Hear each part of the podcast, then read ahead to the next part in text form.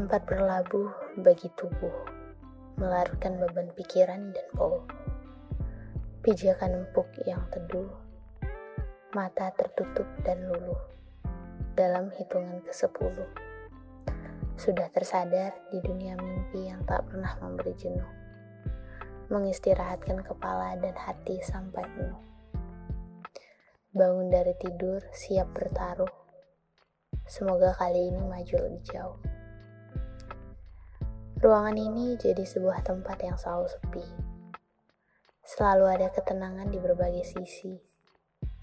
Dihias dengan properti pribadi milik sendiri.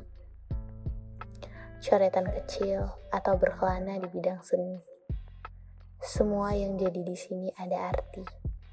Dari sebuah garis coretan, bahkan hingga terakhirnya seorang bayi. Tercipta di balik kotak ini sebuah kebenaran yang memang begini, tak mungkin akan dikelabui. Cukup tentang hal yang liar, ada lebih banyak hal yang lebih familiar, tentang sedih atau sebuah kabar sedih yang ditumpuk di dalam tempat ini. Mengakar dan bisa jadi gelap untuk dunia luar, seperti nama album Kamar Gelap dari band dari kota besar, yang di setiap lagunya bagai bunga yang mekar, indah di setiap liriknya, ibarat merah merona mawar.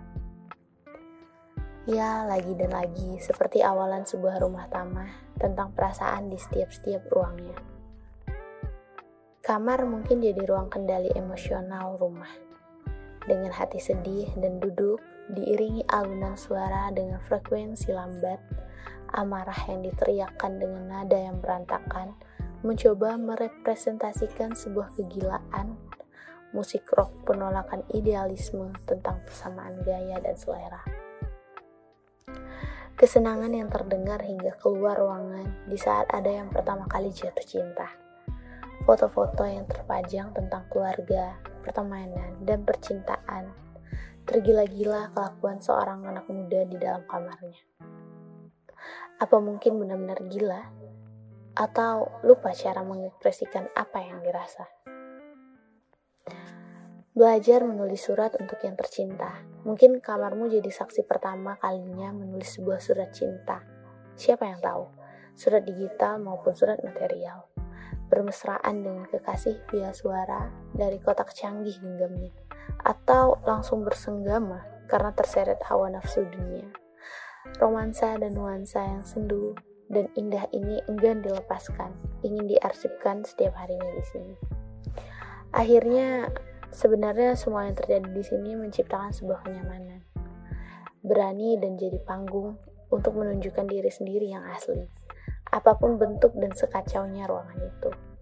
Mungkin adalah patokan untuk apa isi hatinya. Sebuah zona aman tanpa penghakiman dari kejamnya dunia. Kamar yang sekecil apa pun itu punya lebih banyak makna yang luas. Terpajang gambar idola dan selera dari penghuninya.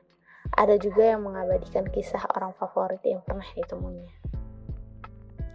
Penghuninya juga sering kali menjadi egois, bersembunyi di dalam sini, melarikan diri dari kesalahannya sendiri, takut untuk menyelesaikannya.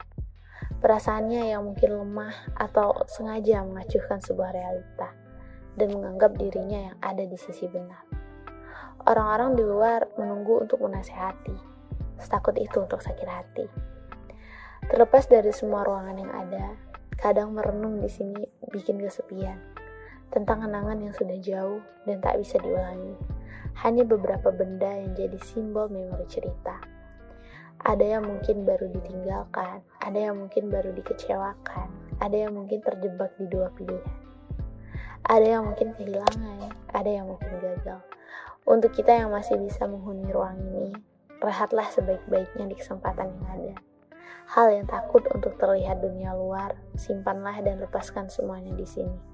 Menangis di antara perayaan, menari di atas duri, menikmati di bawah penempaan, mengeluh di balik pencapaian. Terima kasih.